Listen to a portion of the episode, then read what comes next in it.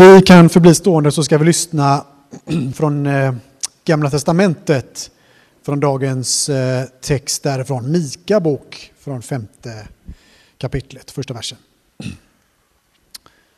Rista sorgemärken på dig, du belägrade stad. En belägringsvall är rest mot oss och med käpp slår Israels domare på kinden. Men du Betlehem i Efrata, så oansenlig bland Judas släkter, från dig ska det ges åt mig en som ska härska över Israel, en som har sitt ursprung i det förflutna i eviga tider. Därför ska de bli övergivna fram till den tid då hon ska föda har fött. Då ska det som finns kvar av hans bröder återvända till israeliterna.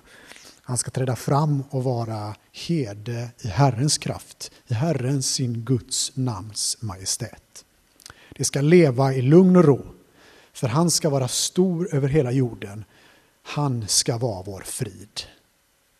Vi lyssnar också till söndagens heliga evangelium enligt evangelisten Matteus. Jesus föddes i Betlehem i Judeen under kung Herodes regeringstid. Då kom några österländska stjärntydare till Jerusalem och frågade Var finns judarnas nyfödde kung? Vi har sett hans stjärna gå upp i vårt eget land och har kommit för att hylla honom. Kung Herodes blev skräckslagen och hela Jerusalem honom. Han kallade därför samman folkets överstepräster och skriftlärde och frågade dem om de visste var Messias skulle födas. I Betlehem i Judeen svarade, för så här skrev profeten, du Betlehem i Juda land. Du är inte den mest oansenliga bland Judas furstar, för en härskare ska komma från dig, en som blir en herde för mitt folk Israel. Så lyder det heliga evangeliet. Och vad var du, Kristus? Vi börjar med att be. Himmelske Fader. Vi tackar dig att du har bjudit in oss till dig, Herre. Och vi ber att det här blir en stund som får förhärliga din Sons namn, Herre. I våra hjärtan, Herre. Och om vi aldrig förundrats av julevangeliet så ber jag dig Gud att du drabbar oss av de goda nyheterna att du Gud valde bli en av oss Herre. I ditt namn ber vi. Amen.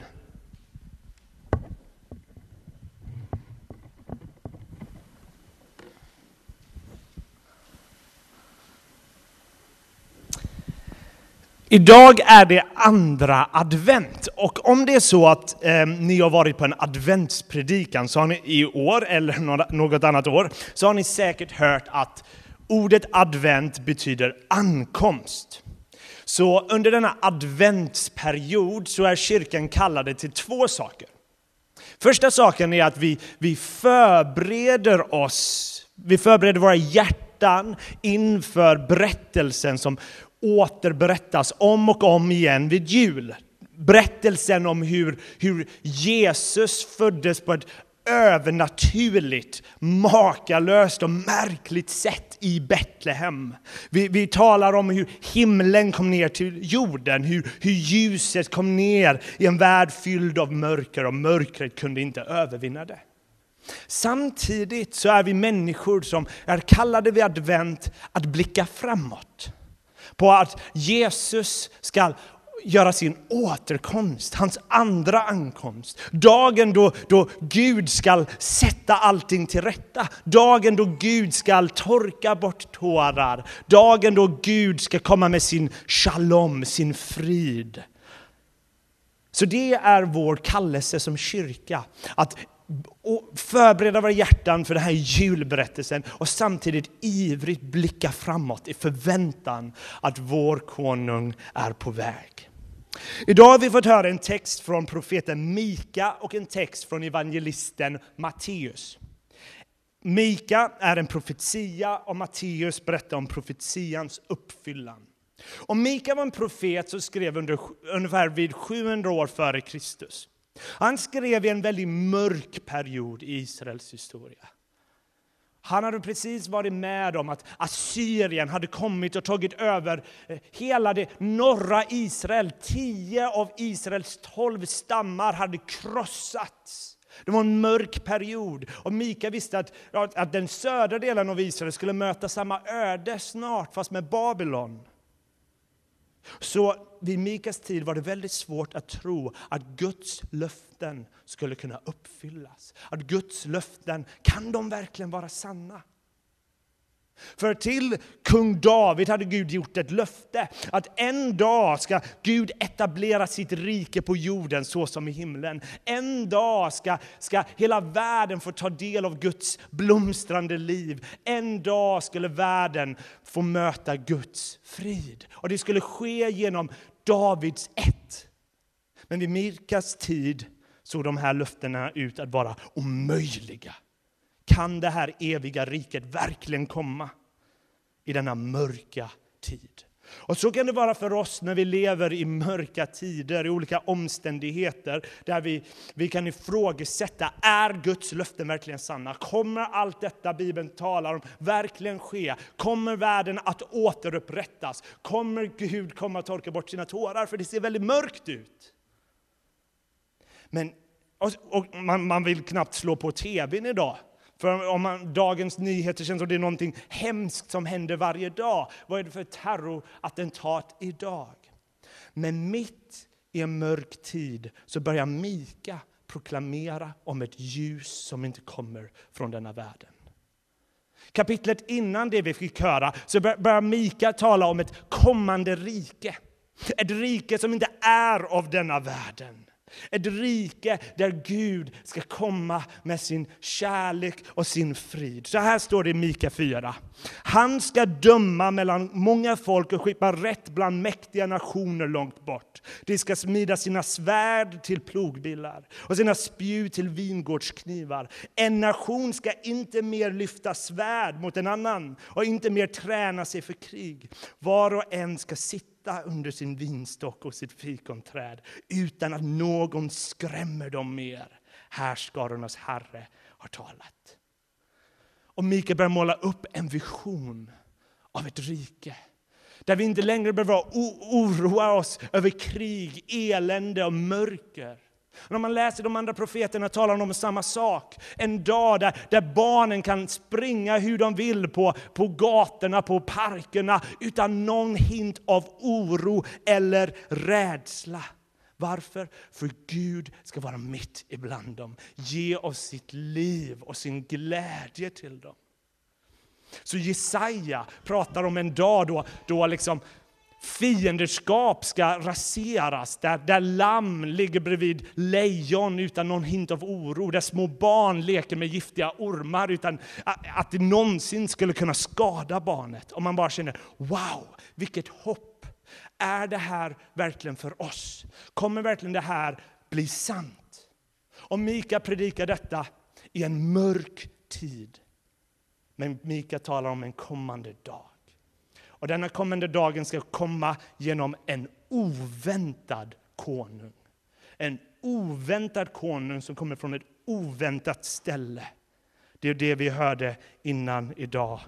Men du, Betlehem i Efrata, så oansenlig bland Judas släkter, från dig ska det ges åt mig en som ska härska över Israel, en som har sitt ursprung i det förflutna, i eviga tider.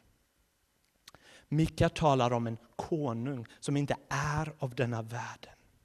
Och han kommer från ett oväntat ställe, från lilla pyttelilla Betlehem. Och man kan undra, hur kan kungarnas kung, herrarnas herre komma från lilla Betlehem? Är inte en mer lämplig plats Rom eller Alexandria? Inte så här typ Borsholm i Sverige eller, eller Betlehem i Israel. Det är ett oväntat ställe. Vi är så vana med att höra om Betlehem. Men när man läser Josua, den boken Josua, så nämner Josua 94 städer, de 94 största städerna i lilla, lilla Israel. Och Betlehem nämns inte ens. Den är inte ens på topp 94 i Israel.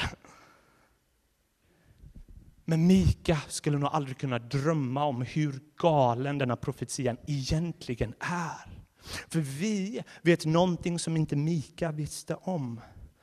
Vi vet att barnet som föds i Betlehem är långt mer än en, bara en kung, en vanlig människa. För Nya testamentet proklamerar en av de konstigaste, märkligaste tankarna som finns.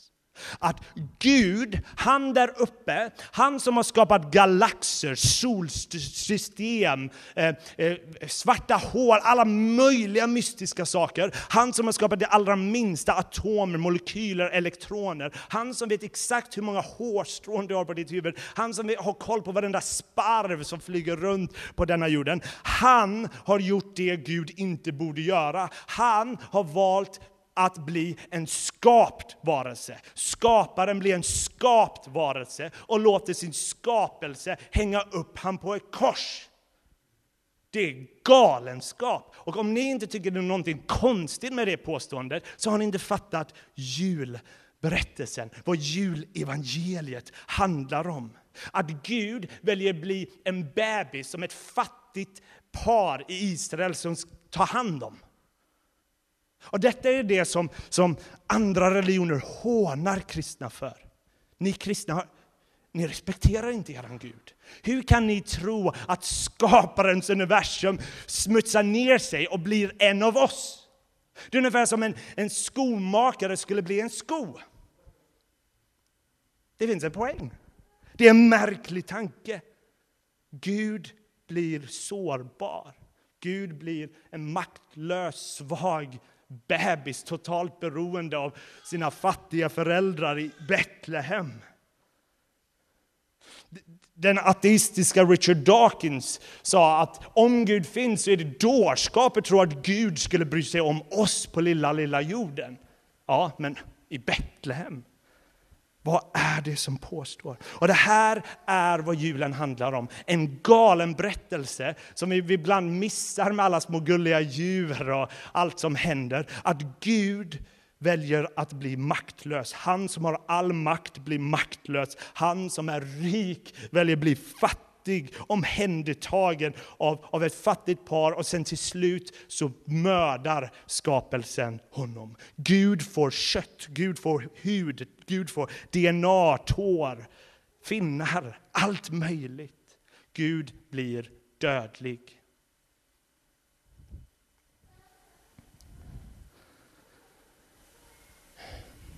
Det hade varit enormt ödmjukt av Gud att välja den rikaste familjen på jorden. Om man såg, ah, Caesars familj, där kan jag födas. Det hade varit enormt ödmjukt att komma till den mäktigaste familjen på jorden. Wow, från himmelens tron till den lilla fnuttiga tronen i Rom. Men Gud kommer till det obetydelsefulla Betlehem, läggs i en krubba där, där djur äter. Jag har alltid funderat på hur dagen i himlen måste ha varit då, då Jesus kom ner. Vad var änglarnas reaktion? De som har sett Jesus i sin härlighet på tronen i himlen och inte riktigt fattar, hallå, du är härlighetens prins. Varför går du ner? De kommer krossa dig, de kommer döda dig, de vill inte ha dig. Och han går ner i mörkret. Se Sion, din konung är kommen. Det är kungen som rider in på en åsna in i Rom. Det är en kung som inte är av denna världen. Det är inte en kung som vi ser på jorden som bara säger jag vill ha, ha. Utan det här är en kung som ger och ger av sig själv ända in till döden på ett kors. Och om kejsaren Augustus fick höra att under hans regeringstid att herrarnas herre, kungarnas kung, föddes i lilla Betlehem hade han nog skrattat. Hur är det möjligt? Det är han som är herre. Det är han som har makten över världen. Han kallade sig själv Kyrios, Herre, Guds son. Han försökte etablera det som kallades Pax Romana, romarrikets frid som egentligen var propaganda, för det var frid som etablerades genom krig, blodig krig. Han hade hånat tanken att herrarnas herre föddes i Betlehem. Men hur minns vi Augustus idag? De flesta minns han från en fotnot i Lukas kapitel 2, vers 1. Inte så mycket mer. Och när vi minns hur länge han regerade så utgår vi från den här lilla bebisens födsel. Augustus regerade 27 år före Kristus till 14 år efter Kristus. Den här lilla hjälplösa bebisen har definierat om hela historien. Så varenda kung vi, vi talar om i historien räknar vi efter det här lilla bebisens födsel. Det här är en farlig bebis för makter som vill stoppa, som vill ha all makt i världen. Ta Herodes, som vi hörde här, den judiska klientkungen som det kallades. Han var en paranoid man. Han, eh, när man läser andra texter, så fort någon verkar ja, försöka ta ifrån honom makten så dödar han folk. Han dödade till och med många av hans familjemedlemmar, barn. Fruktansvärd man. Så fort han hör att kungarnas kung kanske föds i Betlehem sänder han dit sina soldater för att döda barn. Men ingen kan ta ifrån Jesus hans makt och hans ära. Jesus definierar om vad makt och ära är. Så när han hänger på korset ser det ut som att han är maktlös, det ser ut som att han förlorar. Men i själva verket så triumferar han. Han krossar världsmakterna. Så att romarriket, till och med när de försöker avrätta honom, kan de inte hålla, se till att han fortsätter vara död. Utan den här konungen har hittat vägen ur graven. Han definierar om vad makt och ära är för något. Så det här är den julberättelse vi kallas till att minnas dessa dagar. Så mitt i mörkret får vi minnas att Kristus är Guds ja till alla Guds löften. Det är genom Kristus som det här riket som har utlovats ska komma till oss. Det är genom Kristus som vi ska ta del av den eviga shalom, den eviga friden. I Mika står det att han ska vara vår shalom, vår frid. Det visar sig att den här bebisen är livets bröd i en hungrig värld. Jag vet inte vad du går igenom här idag, vad för omständigheter du är i. Men jag hoppas att du finner ny tröst i att Kristus verkligen är Guds ja, hans bekräftelse på hans löften. Att Gud ska uppfylla sina löften. Detta gör att Paulus i Andra Korinthierbrevet 4 kan säga Mina kortvariga lidande väger ju oändligt lätt mot det överväldigande, eviga härlighet det bereder mig som inte riktar blicken mot det synliga utan mot det osynliga. Och ibland kan det vara tufft. När ska dessa löften uppfyllas? Mika fick vänta 700 år för det här barnet skulle födas. Och här måste vi komma in i lite adventsanda. För advent, som jag började med, är, är, handlar om att vi ska vänta in julafton om, om födsel, där vi minns berättelsen om Jesu födsel, men även hans återkomst. Vi kallar det till våra människor som väntar. Men vi människor i väst är inte direkt kända för att vara väntare. Vi är lite mer människor i nuet. Vi är instantkulturens eh, chefer. Vi vill ha allt nu. Vi gör, vi gör inte direkt besl långsiktiga beslut. Vi vill ha beslut som påverkar allt eh, just nu. Det ser vi hur vi använder eh, jordens resurser. Vi, vi tänker på hur vi kan njuta som mest nu snarare än långsiktigt. Vi är inte direkt människor som är kända på att vänta. Men i en så rastlös och distraherande värld så är vi i kyrkan kallade till att bli adventsmänniskor. Att trotsa denna tidsanda och istället bli människor som, som formas av evigheten. Formas av att Jesus skall komma tillbaka och han har segrat. Alltså inte människor bara i nuet, men människor med, him med himmelskt perspektiv. Med evigheten perspektiv. Så ett sätt vi ser fram emot Jesu återkomst är att vi väljer bygga våra liv på Kristus. Vi väljer att ta beslut som tar till hänsyn Kristus. Advent är en tid där vi påminner oss att vi ska förkroppsliga denna väntan i en sån rastlös värld vi lever i. För vanligtvis lever vi som att världen bara rullar på. Ingenting kommer förändras. Den bara rullar på och vi ser vad som händer. Men advent är en protest mot det. I advent har vi flera veckor där vi, vi protesterar. Att världen kommer inte bara rulla på som den gör. Utan Kristus har lovat att han ska komma med sin frid. Kristus har lovat att han ska göra upp med världens elände. Kristus har lovat att han ska ge av sin frid och sin glädje och torka bort alla tårar. Där alla sår skall helas. Inte en centimeter av oss skall undgå hans helande kraft. Och varför proklamerar vi det? Inte på att vi ser några tydliga tecken i världen som säger att ja, Jesus kommer imorgon. Nej, vi tror på detta för att Kristus har sagt att han kommer komma tillbaka. Kanske är det ikväll, kanske är det om 20 dagar, kanske är det om 80 år eller 100. Men att han kommer, det gör han. Det är garanterat och det är bestämt. Så vi som är kallade till att vara adventsmänniskor vet att världen inte kan helas genom nya rutiner, nya konferenser, nya världsledare. Även om sådana saker kan förbättra saker till det bättre.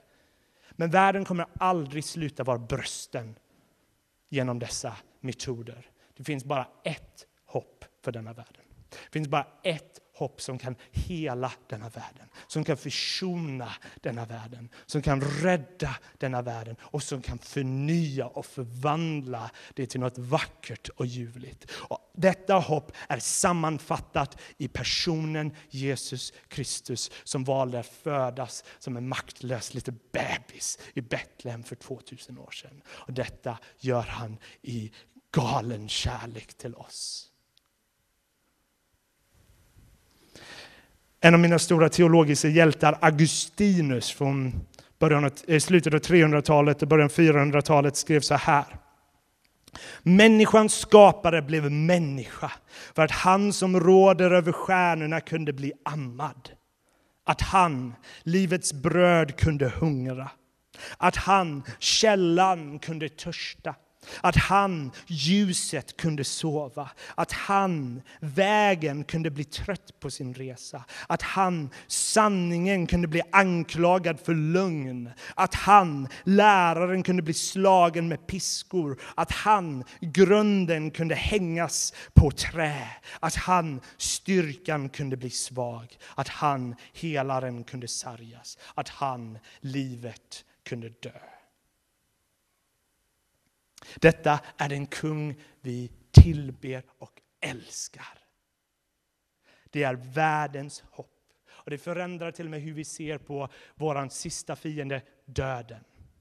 För det här är kungen som bär nycklarna till dödsriket. Ingenting kan stoppa honom. Inte ens döden kan skilja oss från Jesus Kristus. För alla Guds löften är uppfyllda i Jesus Kristus. Och det här är det evangelium vi är kallade till att minnas. Och sen börja förkroppsliga i vår väntan på att han kommer tillbaka.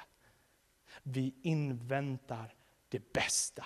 Vi inväntar det eviga glädjen. Vi inväntar Jesus Kristus. Och redan nu bjuds vi in att ta del av honom, där vi mer och mer får reflektera hans ljus. Där vi mer och mer får formas av hans ande, där vi, vi får bli en försmak av detta kommande rike som han har utlovat. Alla Guds löften fullbordades i den unga mannen som red in på en åsna för 2000 år sedan för att ge sitt liv för oss. För att inte etablera ett världsrike som Augustus som gjorde det genom att döda, utan han har kommit för att ge sitt egna liv. Och det är detta vi kallar det till minnas. Han är kung, konungarnas konung, herrarnas herre. Han finner vi sann glädje i, även om vi lever i dagar av sorg eller dagar av glädje. Kristus. Låt ditt rike komma.